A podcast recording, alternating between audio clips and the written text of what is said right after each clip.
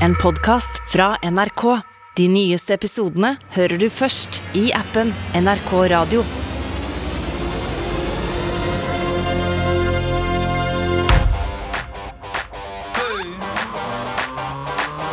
Popkorn over politikk med Sean Henrik Matheson.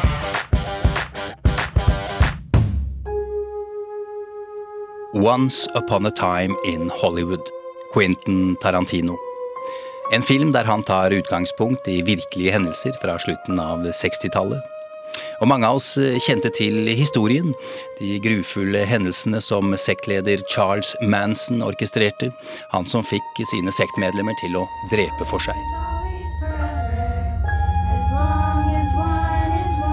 En av de mest kjente ofrene var skuespiller og hele Amerikas sweetheart Sharon Tate. Holy shit. No, that was Polanski. That was Roman Polanski. He's, he's, he's lived there for a month now. First time I seen him. Ja, det er Roman Polanski, regissøren bak bl.a. Rosemary's Baby og pianisten som han vant en Oscar for. Han sitter i en kabriolet, og ved hans side sitter Sharon Tate. I virkeligheten var de gift på den tida. Og det var selvsagt Leonardo DiCaprio som vi hørte bli starstruck av å se det berømte paret kjøre forbi.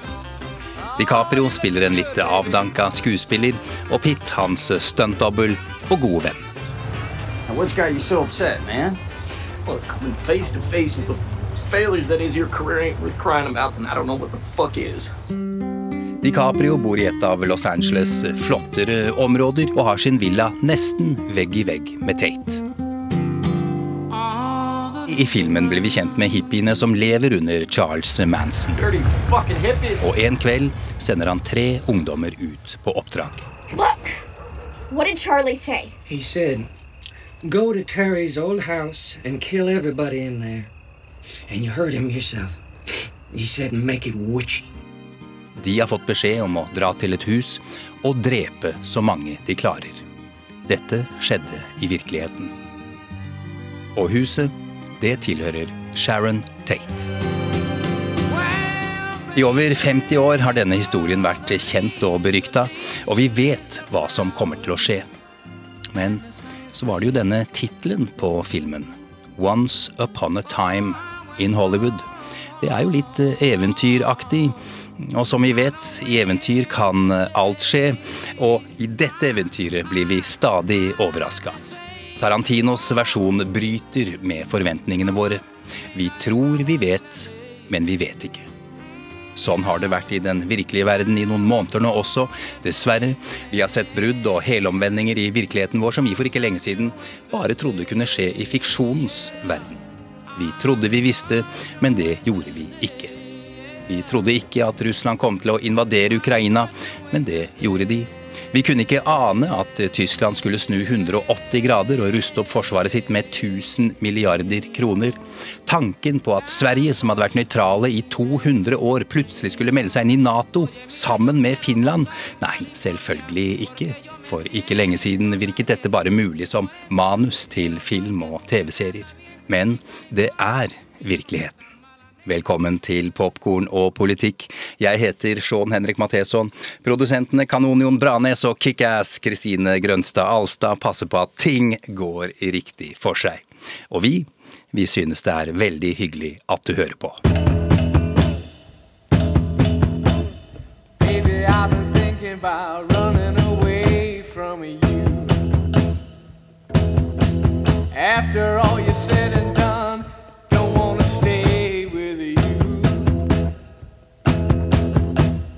Seems like everything we could have done has passed us by. Yeah, I got to get moving. I'm tired of grooving with someone who can't get high. Don't chase me around, you're bringing me down. I don't wanna play by your rules.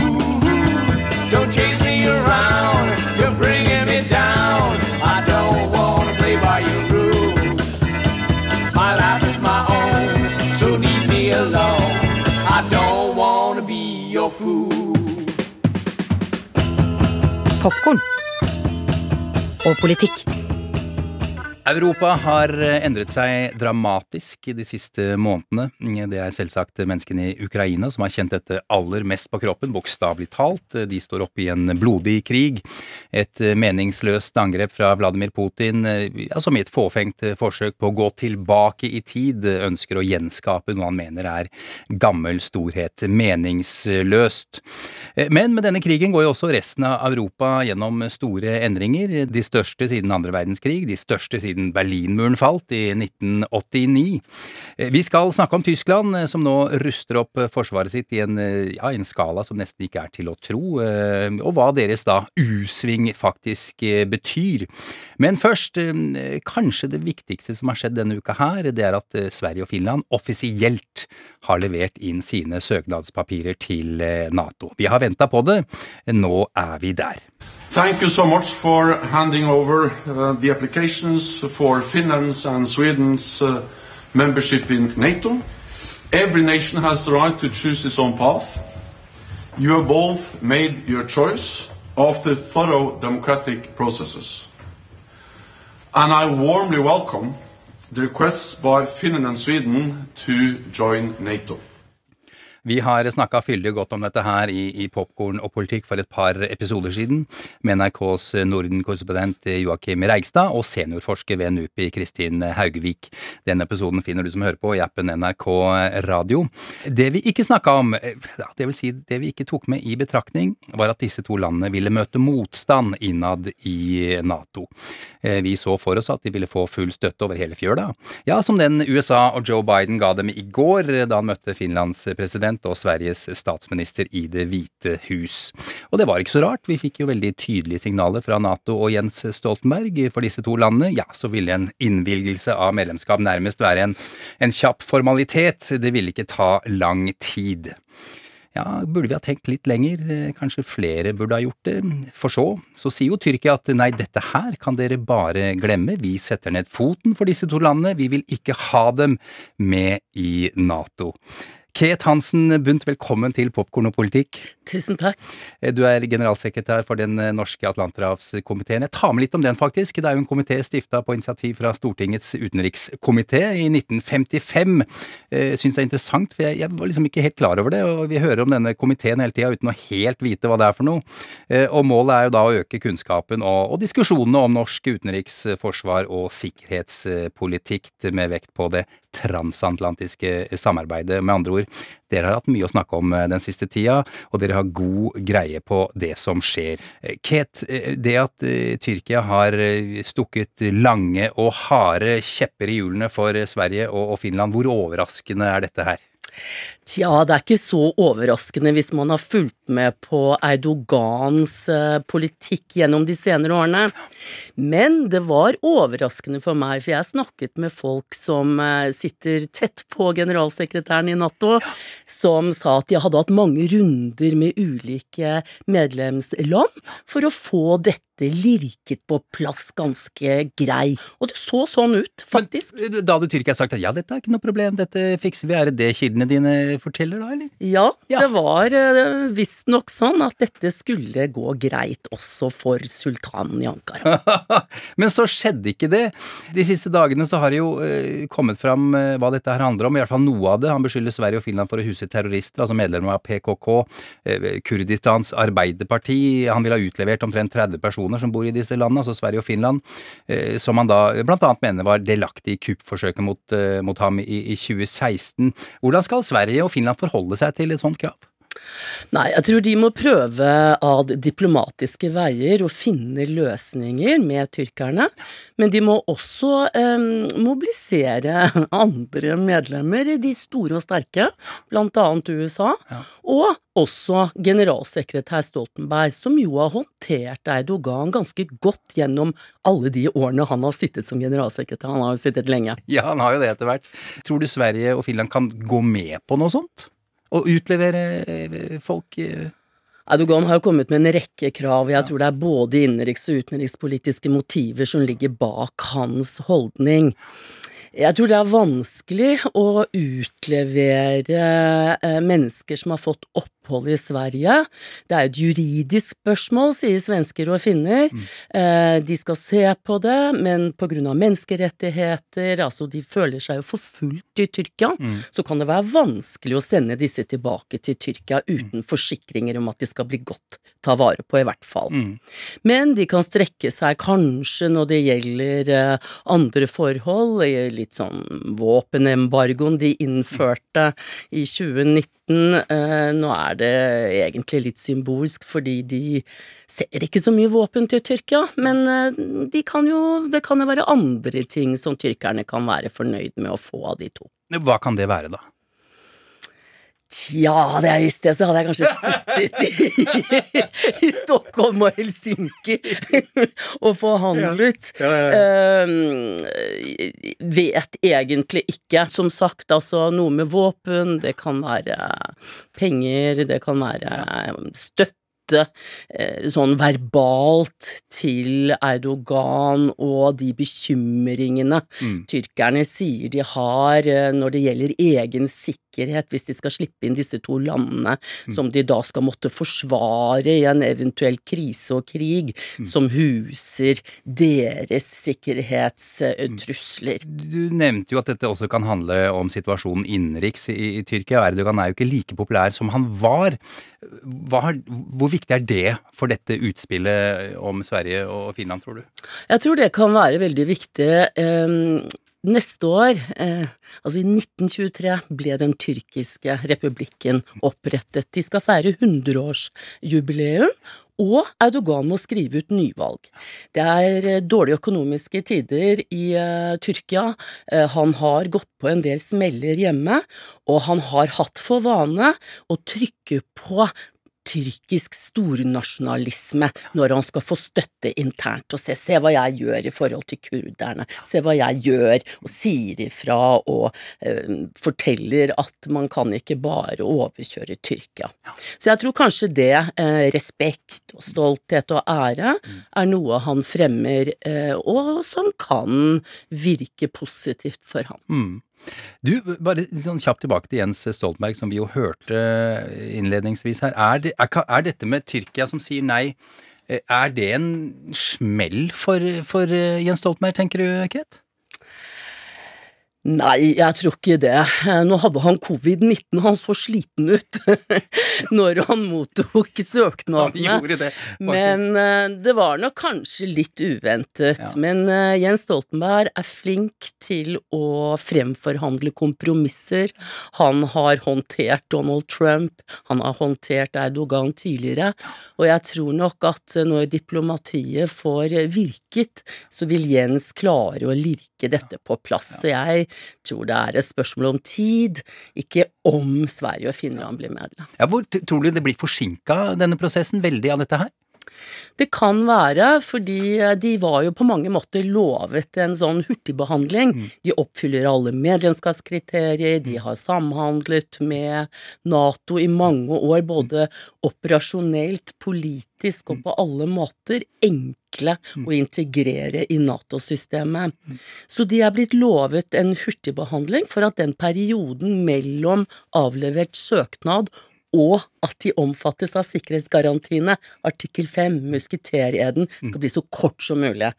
Denne kan kanskje bli strukket noe ved at Eidogan Erdogan lager denne krøllen. Kan Putin finne på å utnytte det på en måte?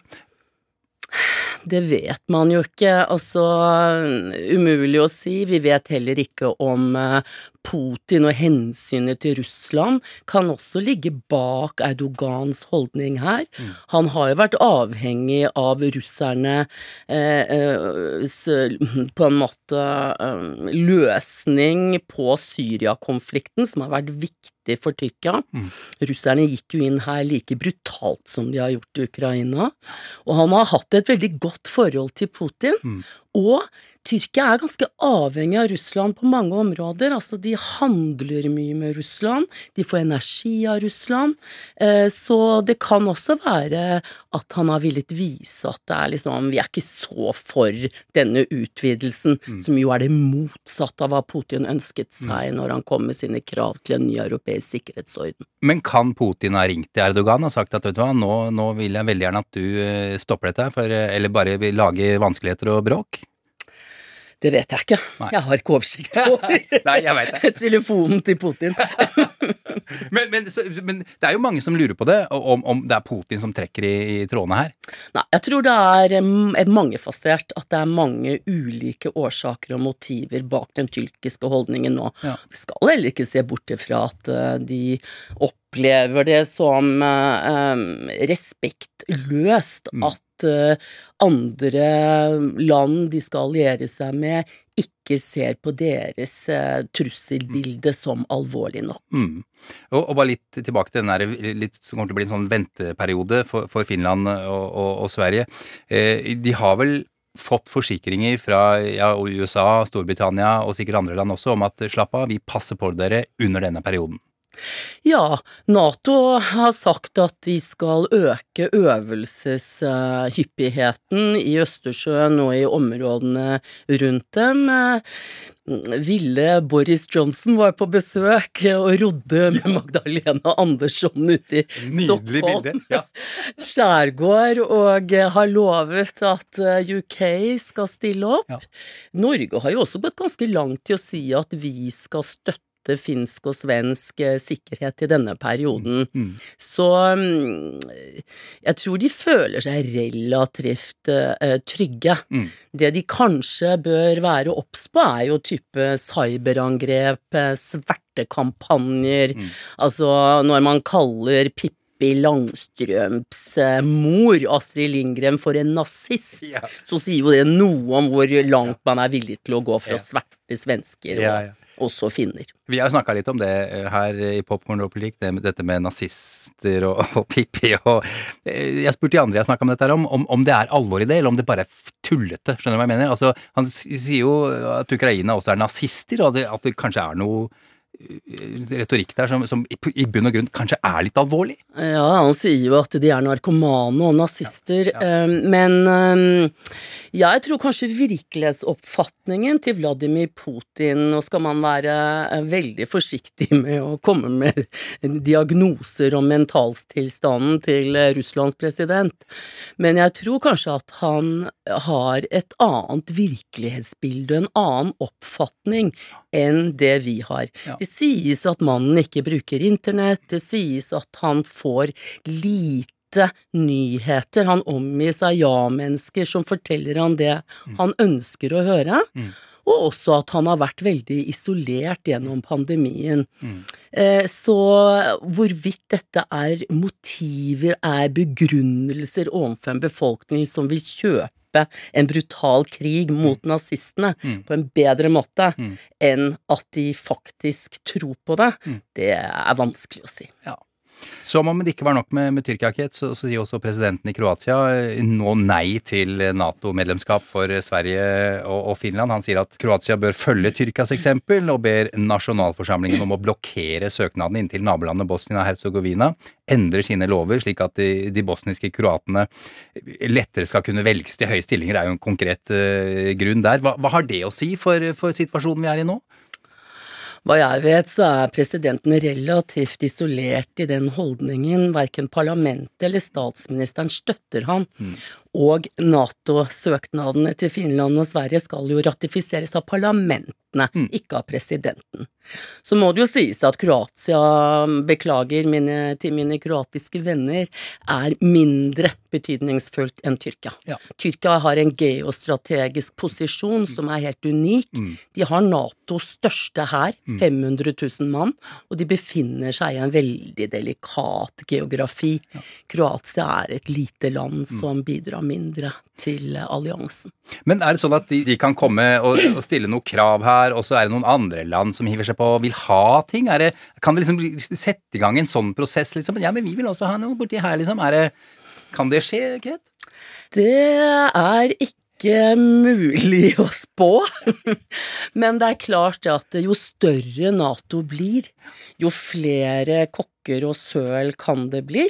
Så man kan jo ikke utelate at eh, enkelte bruker eh, Altså at det koster mye å få dette ja-et fra en del land.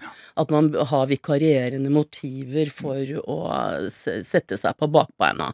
Men jeg tror de fleste Nato-landene ser eh, Sverige og Finland som en eh, styrking av alliansens sikkerhet. De bringer jo med seg masse kapasiteter, de er demokratier, relativt rike, de vil styrke alliansen i en eh, strategisk og geopolitisk plassering som er kjempeviktig her oppe i nord.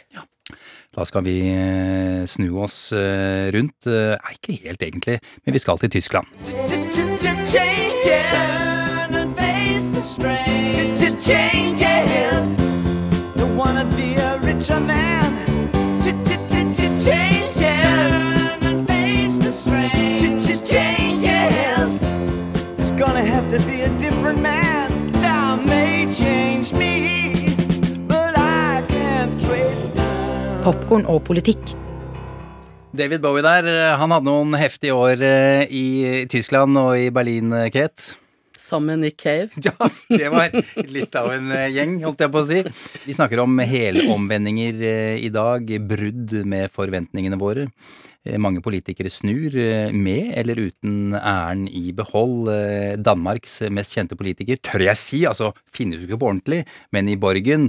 Og i årets nye sesong, comebacket, så er Birgitte Nyborg utenriksminister, og det lille partiet hennes regjerer med de store sosialdemokratene. Så blir det funnet olje på Grønland, og miljøprofilen til Birgitte møter arbeidslinja til statsministeren. Det blir det bråk av, og til slutt får Birgitte forstå av statsminister Signe Krag at hun ikke vil stanse oljeboringen. Signe, vi er partileder og regjeringsøverste minister. Jeg tenker vi løser det her nå. Du sørger selv for å få sagen om den grønlandske olje, og nå har du den, så det er deg der løser det her. Ok, så gør jeg det. Der er en stemning i luften af, at der skal rulle hoveder. Og det vil jo nok bli dit, Birgitte. Undskyld, hva er det, du prøver å si til mig? At det ikke er regeringen, der kommer til at gå av på det her. Ja.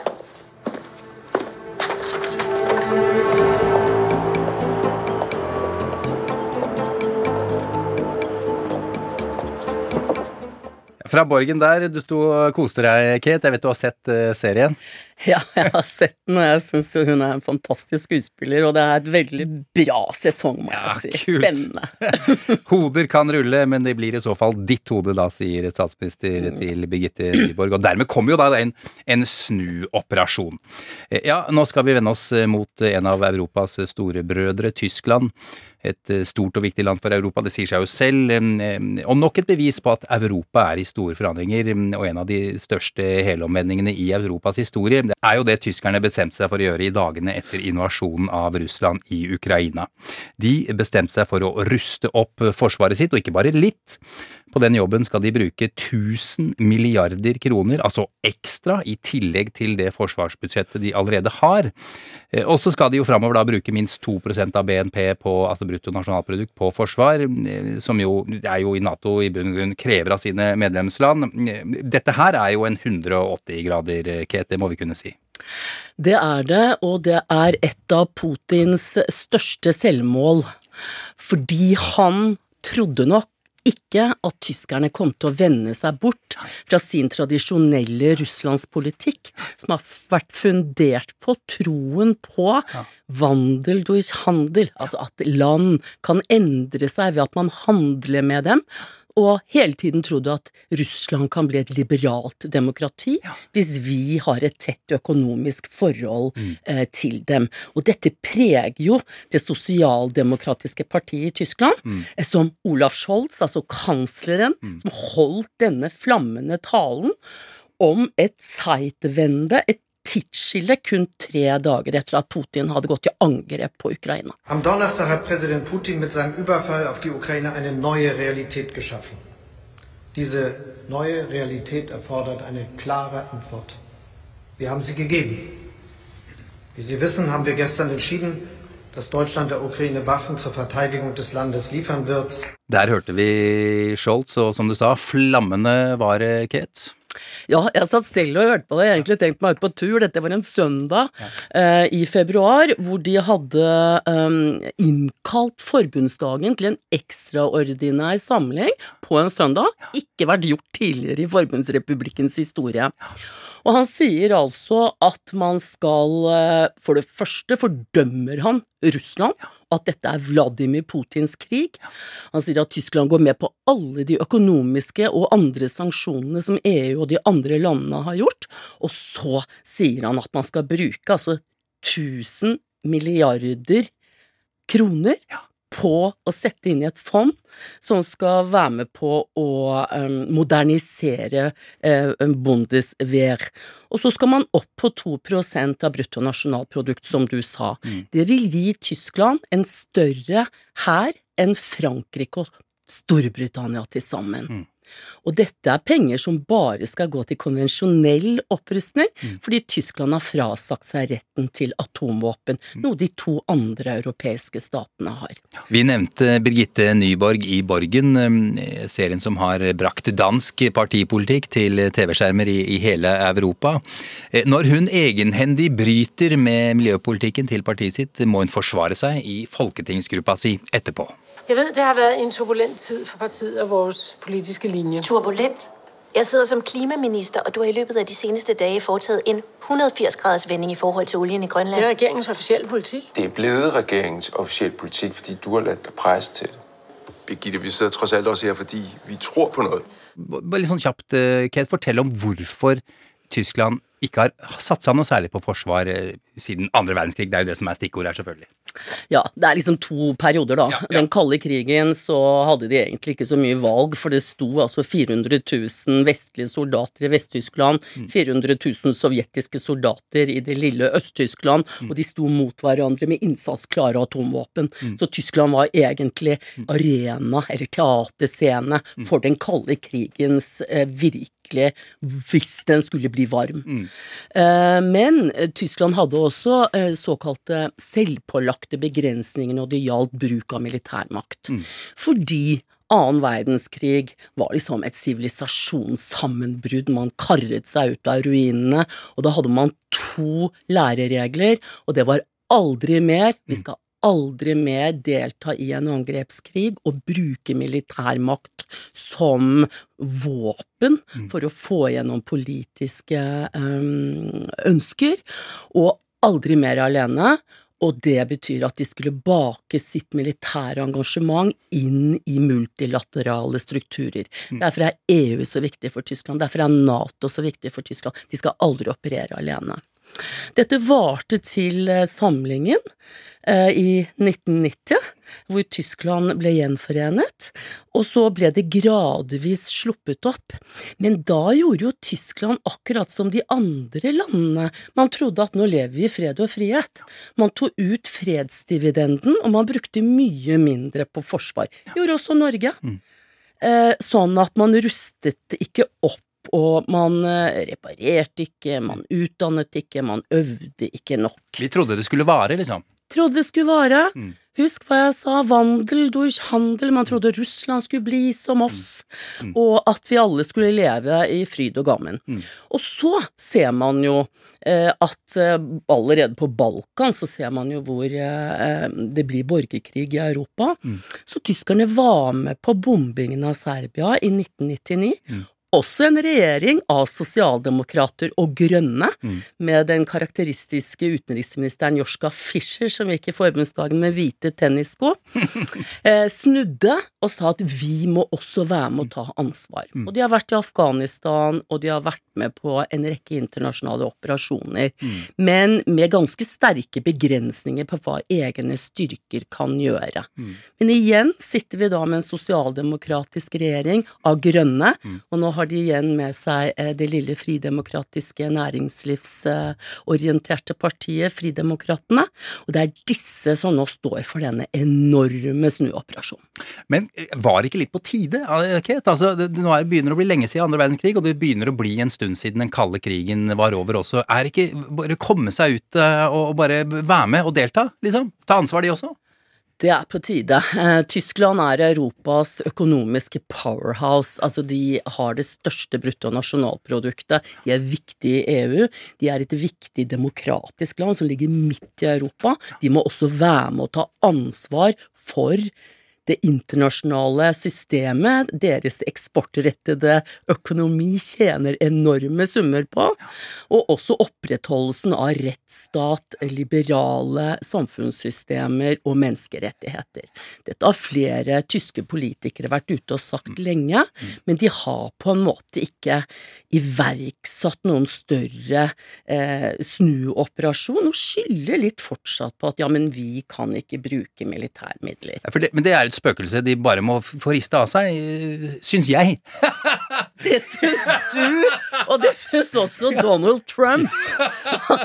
Han var skikkelig forbanna på Angela Merkel og sa det at eh, dere må opp og bruke 2 av bruttonasjonalprodukt. Ja. Kan ikke være sånn at vi skal eh, bruke amerikanske skattebetaleres eh, penger på å sikre og trygge Tyskland, som tjener enorme penger på handel med USA, og også med Russland, som han sa.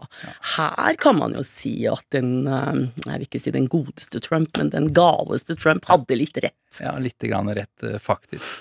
Eh, Men du nevnte at de, at de har ikke vært helt borte. Du nevnte Afghanistan, eh, Serbia. Var det, var det vanskelig for tyskeren holdt jeg på å si, å, å være med på det? Kjente de på noen gamle følelser og, eh, og skam og, og slike ting da? Jeg tror nok det. Det tyske samfunnet er veldig sånn preget av pasifistiske holdninger, antikrigsholdninger. Altså det å være offiser eller i bondesvær, altså være militær, har ikke noe særlig høy status i Tyskland. Hvis man sammenligner med Storbritannia, ikke sant, så er det å være general eller høyere offiser er liksom eh, Det kan man være stolt av. Man har gjerne gått på Oxford og Cambridge før man egentlig blir rullet inn i det militære. Og så har de litt begrensninger på hva man får få lov til å gjøre. Men de har jo tatt mer ansvar. De er jo også i Litauen. Altså etter at Vladimir Putin startet krigen mot Ukraina i 2014 ved å snappe til seg Krim og innlede et felttog i Donbass-området. Man sier at det er eh, masse separatister, men det er jo en hel haug av russiske soldater, og de har stått der i, siden 2014. Så eh, gikk Nato til verks og, og sendte ut bataljoner i de tre baltiske landene og i Polen. Tyskland tok ansvaret for å lede den som er i Litauen, som altså norske soldater er i. Eh, De er nok ikke like på en måte altså, De har noen begrensninger på sin opptreden, som jeg er blitt fortalt av norske soldater, blant annet. De har begynt å diskutere hvordan de skal finansiere disse tusen milliardene. Mm. Så, så det er litt sånn krangel på innsiden av regjeringen, og ikke minst på innsiden av det sosialdemokratiske partiet, som er regjeringens største parti. De har en venstreside som er eh, pasifistisk, som er eh, mer russlandsvennlige. Eh, Og som holder litt tilbake. Og Scholz han må balansere i sitt eget parti. Og så har han Fridemokrater og De Grønne, som er mye mer fremoverlent, og ønsker at nå må vi følge opp det vi lovte denne dagen. Men når du sier Russland-vennlige, hvor vennlig mot Russland er den eh, delen av partiet? Dette går jo helt tilbake til Willy Brandt under den kalde krigen, altså denne tyske kansleren som vi elsker i Norge fordi han snakket perfekt norsk og var gift med en norsk dame, som startet en forsoningspolitikk ovenfor Sovjetunionen Sovjetunionen på begynnelsen av 70-tallet. Og da snakket man om vandel durch en, en ernæring, altså endring gjennom tilnærming. Fordi annen verdenskrig så ble det drept 6-27 millioner sovjetiske borgere. Mm. Tyskerne hadde veldig stor skam overfor den krigen nazistene hadde ført på østfronten. Og så sies det at det var hviterussere og ukrainere som måtte eh, ta en del av eh, um, betalingen her i menneskeliv. Og så, under den kalde krigen, så tilnærmet man seg Russland mer og mer. Eh, og man inngikk ikke minst et tett energisamarbeid. Dette ble videreført etter gjenforeningen, og en kansler som Gerhard Schrøder, som nå er fratatt mange av sine goder som gammelkansler, fordi han spratt rett inn i styret til denne omstridte gassrørledningen Nord Stream 1 og to som de har bygget som går gjennom Østersjøen, som sender gass direkte fra Russland til Tyskland, og sånn omgår Ukraina, hvor de store gassrørledningene løper, og sånn har undergravet ukrainske både forhandlingsposisjoner overfor Moskva, men også sikkerhet, og dette har de blitt advart mot. Men Steinmeier, den nå sittende tyske presidenten. Han jobbet jo på kanslerkontoret til Gerhard Schrøder. Han har også vært den som har tatt til orde for denne endring gjennom handelmåten å se Russland på. Så de sliter litt. Altså, veldig mange fremtredende sosialdemokrater er blitt diskreditert av Vladimir Putins krig i Ukraina. Putin har eh, holdt dem litt for narr, da, eller? Ja, det kan du si, og jeg tror altså at dette var et gedigent selvmål, som jeg sa. For jeg tror ikke han trodde at de kom til å kutte mm. båndene, og det er jo det de nå er i ferd med å gjøre. Gerhard Schrøder, bare litt tilbake til han. Han sitter jo fortsatt i styrene her i, i flere, opptil flere russiske energiselskaper. Har vel trent seg rik på dette her. Og han kaller jo Putin sin gode venn, og sa vel i april at eh, det som skjedde i Butsja, eh, det var ikke krigsforbrytelser. Så hva, hvor langt nede i lomma på, på Putin er Gerhard Schrøder, vil du si, Kvet? Gerhard Schrøder var jo kansleren som kalte Putin for en lopenreiner demokrat. Han hentet altså luperent fra diamantenes verden for å si hvor demokratisk Vladimir Putin var. Så han omgås Putin privat. Han dro selv og prøvde å forhandle med Putin etter at angrepskrigen var innledet. Eh, Og han sier i et stort intervju i New York Times at han angrer ingenting. Hvor lang tid tar det å løse opp i den floka i Tyskland, innad i partiene, slik at de liksom får orden på disse tusen milliarderne og kommer i gang med dette her? Og hva slags rolle vil da Tyskland ta i Nato og i Europa, tenker du, Ket? Det er klart at det å ruste opp Bundeswehr Altså, det var en general som sa at det er ikke noe som flyr, det er ikke noe som går på kjøl, det er nesten ikke soldater, og ikke har de uniformer. Det skal noe til å ruste opp øh, Bundeswehr i løpet av veldig kort tid. Og så er det jo ikke sånn at de flyene, det materiellet du trenger, er å handle på Ikea. Nei. Det må bestilles, og det er mange andre som ruster opp for tiden. Så dette vil ta litt tid. Eh, Men jeg snakket med en tysk general som sa vi har fem-seks år, eh, fordi Putin er nødt til å ruste opp igjen Russland, for de har gått på så mange blemmer i Ukraina. De har mistet masse materiell, mange døde soldater, så i den perioden må vi kunne eh, klare å rydde opp i eget hus. hus. Det vil nok ta tid. Tyskland er en supertanker. Du må liksom snu opp ned på både mentalitet og økonomisk innretning. Men både De grønne og Fridemokratene og Scholz selv er nok veldig opptatt av at man skal levere på dette området. Det vil gi et Tyskland som er sterkere militært.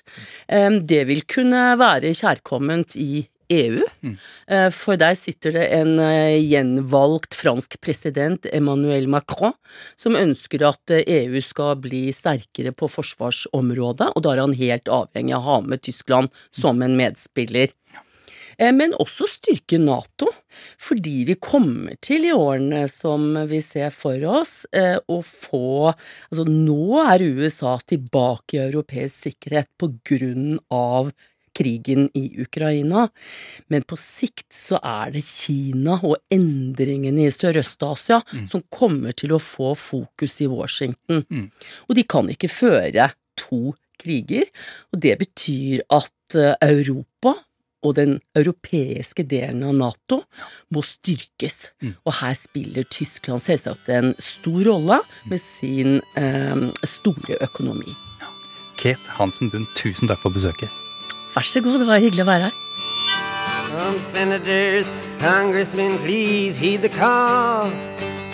Don't stand in the doorway, don't block up the hall. For he that gets hurt will be he who has stalled.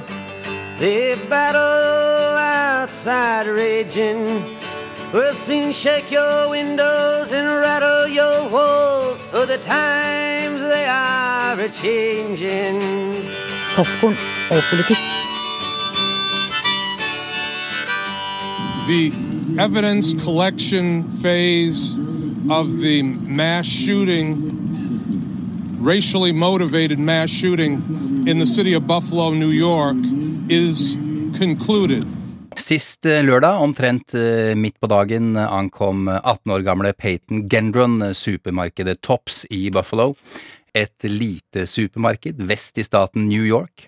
Han var tungt bevæpnet, militært utstyrt, kamera på hjelmen, han sendte direkte. På løpet på en av maskinpistolene hadde han gravert inn N-ordet. Han var hvit. Han hadde brukt flere timer i bil på turen til Buffalo, og han visste at dit han skulle, var det flest svarte amerikanere. Han begynte å skyte på parkeringsplassen allerede, tre personer ble drept. Så gikk han inn på senteret og begynte å skyte menneskene der, metodisk gikk han innover og skjøt. Til slutt var det ti drepte og tre hardt skadde, elleve av ofrene var svarte. En grusom hendelse, selvfølgelig. Gjerningsmannen overlevde, og forklaringen hans på hvorfor han gjorde dette her, var at han trodde på the replacement theory.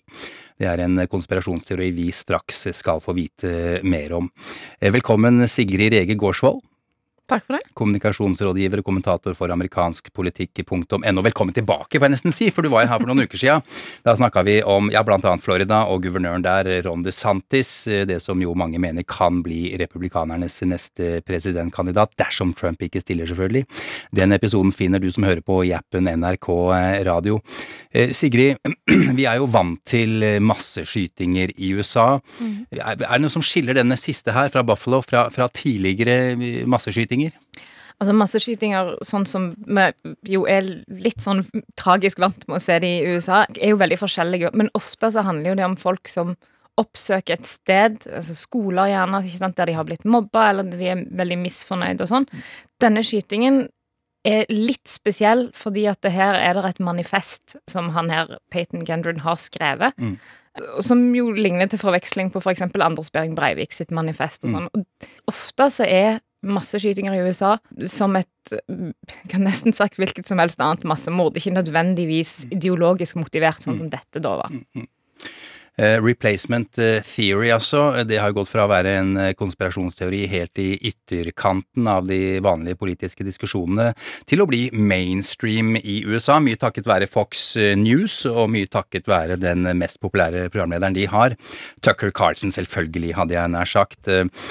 Denne konspirasjonsteorien har han snakka om over 400 ganger i programmet sitt de siste årene. Dette er tall fra New York Times. Vi kan jo høre noen utdrag. This policy is called the Great Replacement, the replacement of legacy Americans with more obedient people from faraway countries. They're trying to change the population of the United States. And they hate it when you say that because the Democratic Party is trying to replace the current electorate, the voters now casting ballots, with new people, more obedient voters from the third world. The Great Replacement Theory, it's a lie, they yell. George Soros has nothing to do with that. Stop talking. The Great Replacement Plan is working. Sigrid, hva er replacement theory? Det ble jo egentlig formulert rundt 2010 av en fransk forfatter og handler om at hvit europeisk befolkning blir systematisk erstatta av innvandrere fra Midtøsten, fra Afrika, fra Asia, med på en måte viten og vilje fra de styrende elitene, de liberale og globale elitene. Og når vi snakker om liberale og globale eliter, Sean, hvem snakker vi om da? Ja, det er jo jødene, selvfølgelig. Det er jødene. Selvfølgelig. De er på en måte sentrale i veldig mange sånne konspirasjonsteorier. Faen meg, jeg vet det. De må ikke glemme at de også har lasere Det er eh, i verdensrommet som lager skogbranner i USA. Vi må ikke glemme det. Fader, altså.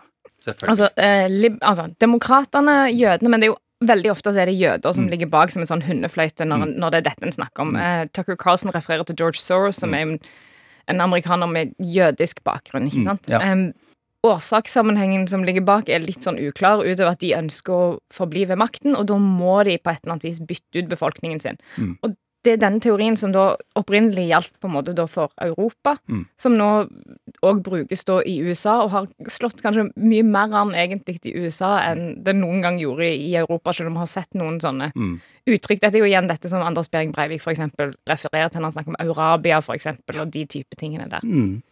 Hva slags historie har de i USA, vil du si?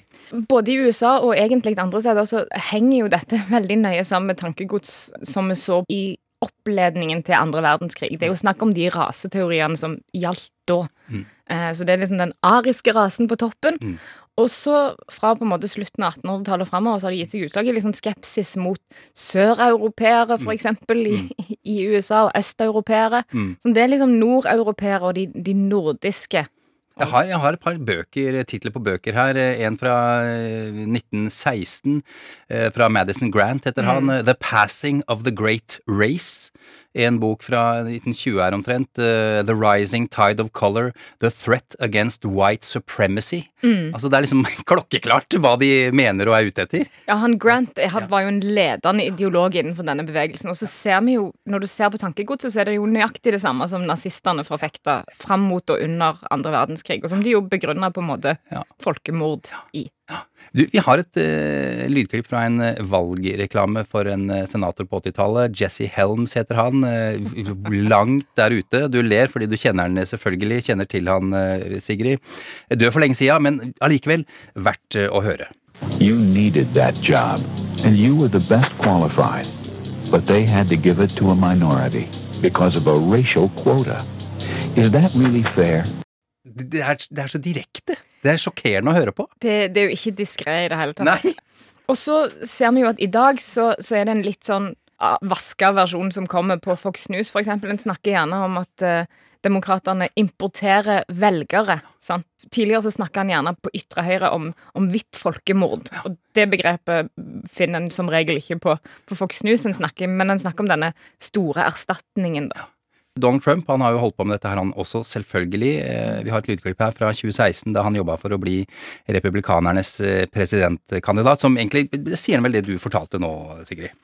I think this will be the last election that the Republicans have a chance of winning because you're going to have people flowing across the borders. You're going to have illegal immigrants coming in and they're going to be legalized and they're going to be able to vote. And once that all happens, you can forget it. Da kan du bare glemme det, sier han. Og det er jo akkurat eh, det reneste uttrykket for denne teorien. I Charlottesville i 2017 så var det jo denne store demonstrasjonen der en aktivist, Heather Hare, ble drept. Og en av de tingene som de som gikk i dette toget med disse faklene sine, ropte, var jo 'Juice will not replace us'. Mm. De tror helt oppriktig at det fins sånn jødiske marionettemestere som, som ønsker å erstatte hvite amerikanere. Mm. Som nevnt, eh, Tucker Carlson i Fox han snakker om dette her eh, hele tida. Eh, Men hvor utbredt er troen på denne konspirasjonen i USA, vil du si? Det finnes det litt ulike meninger om, men det finnes målinger som tilsier at opp mot én av tre amerikanere tror på en eller annen versjon av på en måte den store erstatningen. Ja, og jeg har sett et eller annet sted i en undersøkelse at det er mest hos republikanere, at, at nesten halvparten av de republikanske velgerne tror på dette her. Jeg har det fra NPR, bare for å si det. Det høres veldig riktig ut. Men hva er det som gjør at, ja, kanskje spesielt da republikanerne går på dette her, og, og tror på det? Det er nok litt sammensatt, eh, men det er klart at en del av det henger sammen med at mange minoritetsgrupper stemmer i overveldende grad demokratisk. Og da blir det lett å tenke at de er fienden, ikke sant? De er motstanderen. Og da er det for at demokratene de finner på noe for å ta oss. Og dette er en av de tingene de gjør for å ta oss. Da du var her sist, som jeg nevnte, Sigrid, så da snakka vi om Florida, og der er det jo veldig mange cubanere. Eh, og de stemmer jo ikke eh, på Demokratene, for å si det sånn. Eh, bare for- bare for å kaste inn det, De er jo livredde alt som har med kommunisme å gjøre, så da går de republikanske isteden. Eh, Nå er jo svarte amerikanere jo ikke regna som innvandrere selvfølgelig i USA, men svarte amerikanere stemmer jo i overveldende grad demokratisk. Latinamerikanere stemmer òg i stor grad demokratisk, men ikke like enhetlig som, som svarte. Som du sier, så er det unntak da både blant cubanere, og så handler det òg om hvor religiøs du er. Mm. Mange svarte er jo dypt religiøse, men stemmer likevel demokratisk. Blant eh, latinamerikanere så ser en i større grad at altså, hvis du er mer katolsk, så er det mer sannsynlig at du stemmer republikansk fordi at du har sterke meninger om de sosiale tingene som handler om abort og ekteskap og de tingene der. Mm. Og så handler det òg om, som vi snakket om, at mange av de er veldig skeptiske til sosialisme og kommunisme. sånn at det, når en hvis en som Trump gjorde, dunker hardt mot motstanderen og kaller de for sosialister, Mm. så funker det på en stor del av liksom, den latinamerikanske befolkningen. Mm.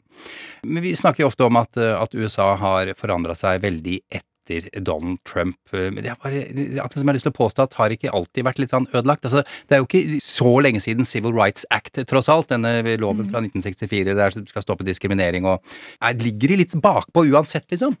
Mange vil jo si det. At, at, at Many people say at, eh, at det er en historie med institusjonalisert rasisme i det amerikanske systemet som går tilbake til slaveri, og som går tilbake til at det var hvite nordeuropeere, vesteuropeere som kom til USA og erstatta de innfødte befolkningene.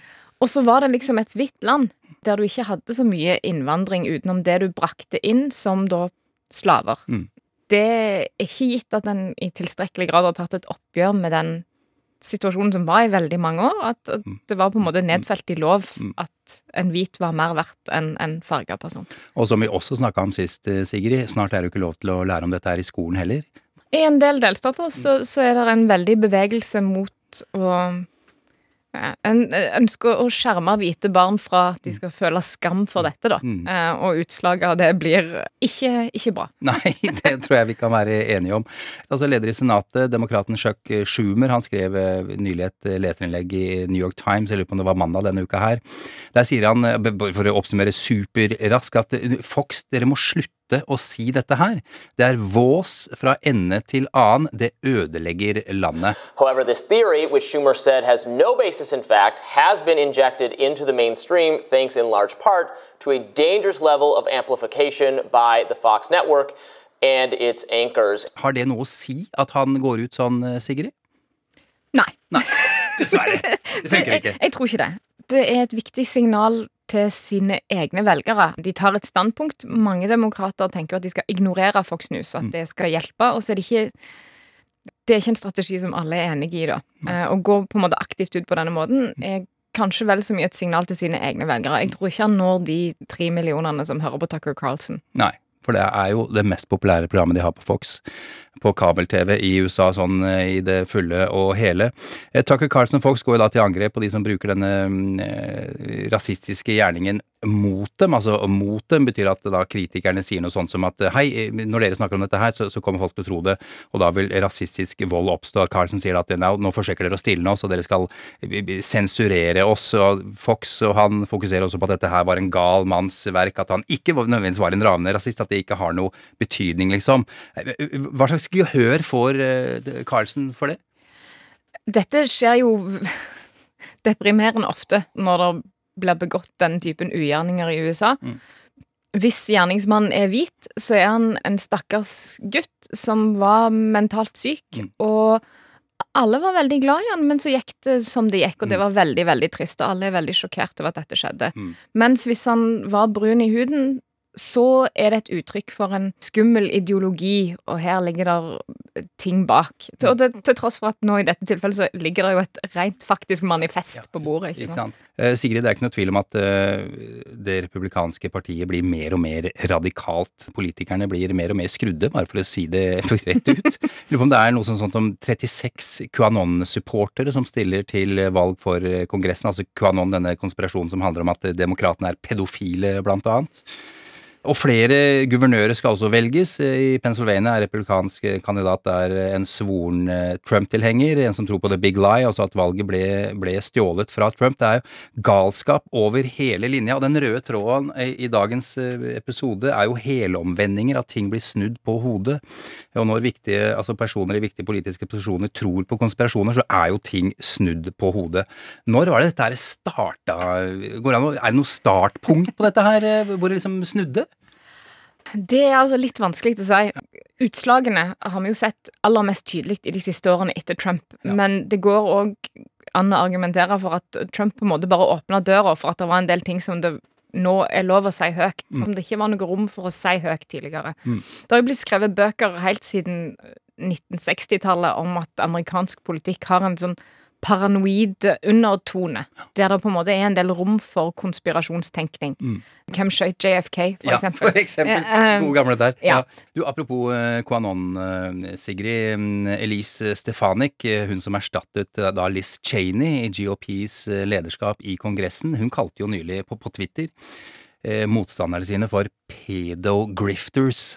Altså, hva er det de driver med? Hvordan kan hun si det? Tror hun på det også, tror du?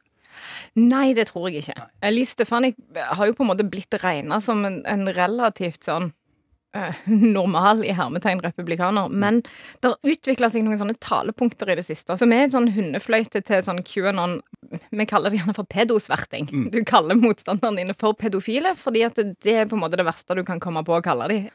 Og så fungerer det òg som et signal til de QAnon-folka som en gjerne vil, ikke vil på en måte vedkjenne seg, men som en tenker at det kan være greit å på en måte holde litt varme. Dette er en, en stund siden, altså jeg skal ikke helt stå inne for de tallene her, men uh, at så mye som sju av ti republikanere er Ja, det er noe i den der kanon-greia, ja, det er nok litt sant inni der.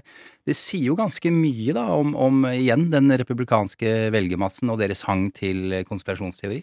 De tallene eh, har ikke jeg sett på en stund, så det vet jeg ikke. Nei, nei. Men, men denne villigheten til å tro på alt som er kjipt om Mm. motstanderne dine, det er jo noe som er felles på begge sider av, av midtgangen Mm. i USA. Og så har det akkurat nå iallfall så er det mye mer da utstrakt Mm. eh, blant republikanske velgere.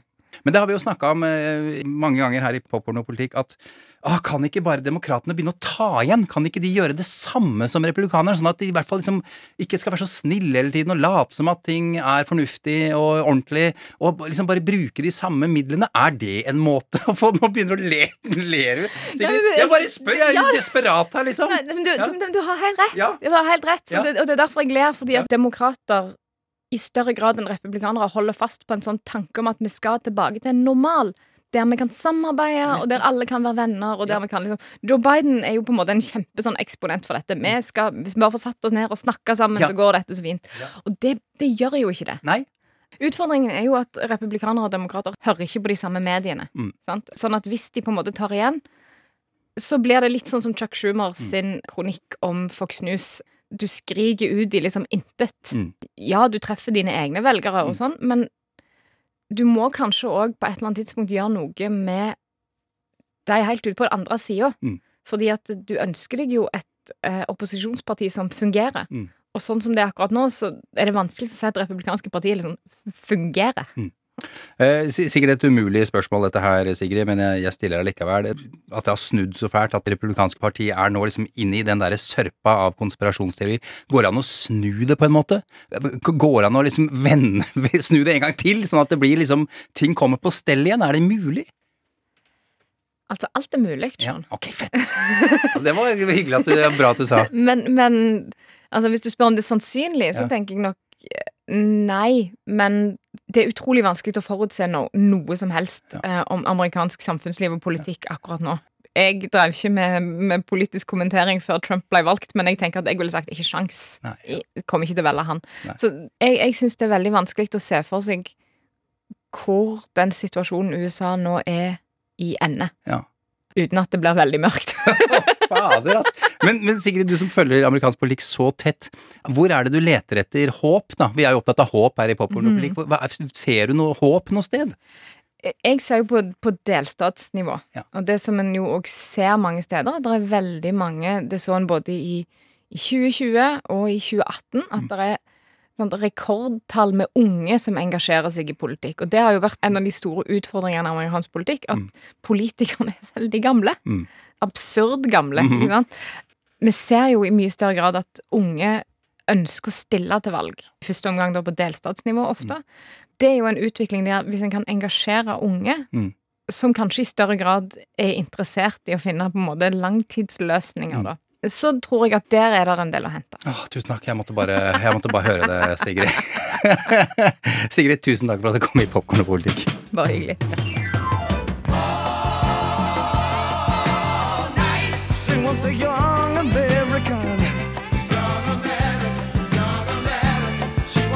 Popkorn og politikk.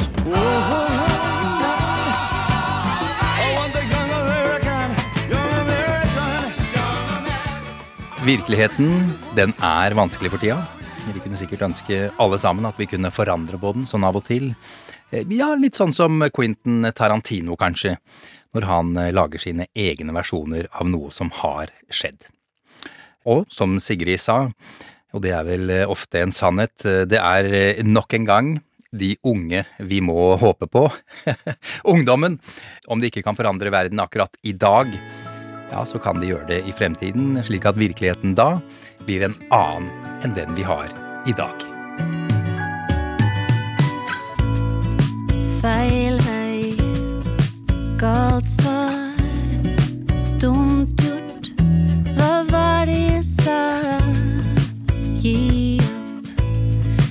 Ikke snu, vær deg selv. Hør på meg, ta deg sammen når du går lei. Følg ditt hjerte, bruk ditt hode. Ha is i magen, les, men ikke tro det. Sett spor, men ikke ta for mye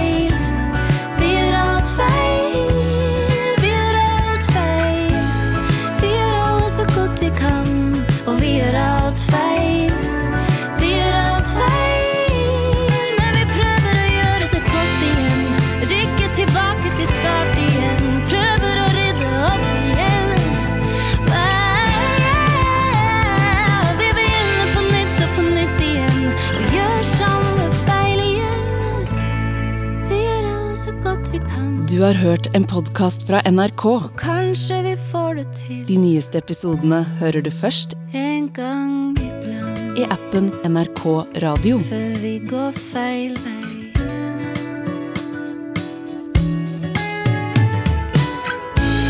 Vi gjør alle så godt vi kan, og vi gjør alt